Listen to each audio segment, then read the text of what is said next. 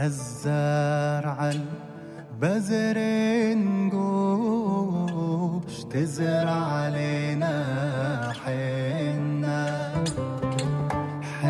يحكى أنه في بدايات القرن العشرين كان البغداديون من أصحاب الوجاهة يعقدون مجالس سمرهم في بيوتهم وكان يحضر تلك المجالس وجوه متعددة من علية القوم. من ذوي العلم والفضل والأدب والشعر والسياسة حيث يتجاذبون أطراف الحديث وتدور نقاشات حول أمور الساعة وأمور أخرى متنوعة. تستمر إلى ساعة متأخرة من الليل. تتخلل هذه المجالس معزوفات من المقام والبستات البغدادية التي تضفي على هذه الجلسات جوا من المرح والألفة. في شارع النهر المحاذي لنهر دجلة وفي منطقة رأس القرية.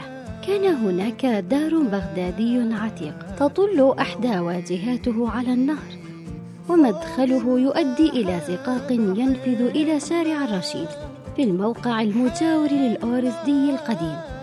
وكان ذلك البيت يحتوي على حديقة غناء مزدانة بأنواع الورود والأزهار من جميع الأصناف. وكان صاحب الدار أحد وجهاء بغداد الذي كان يرتاد مجلسه كل يوم جماعات من عشاق ورواد الأدب والفن والشعر.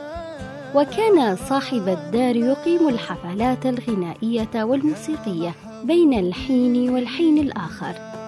في إحدى الأمسيات وعندما اجتمع الجلاس في تلك الدار طرق الباب. وإذا به أحد الأصدقاء القدامى لأصحاب الدار قادم من سفره من مدينة إسطنبول.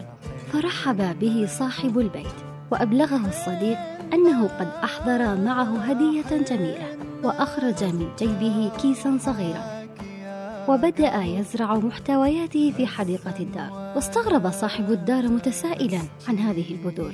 فأجابه الصديق أنها بذور البزرنكوش وأنه نبات جميل ذو رائحة عطرة. فقال له صاحب الدار يا صديقي يا زارع البزرنكوش ازرع لنا حنة لأن الشيب قد غزا رؤوسنا.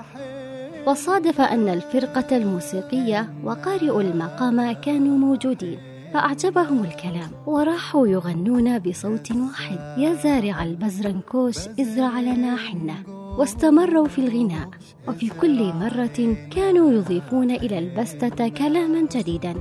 إلى أن أخذت الأغنية شكلها النهائي وفي اليوم التالي بدأ الناس يرددونها في المقاهي والشوارع وأصبحت بعد ذلك من أجمل أغاني الفولكلور البغدادي الأصيل.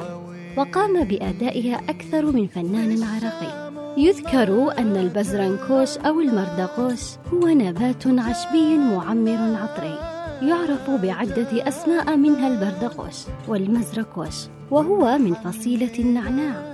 وعندما يجفف ويطحن يصبح مثل نبات الحناء.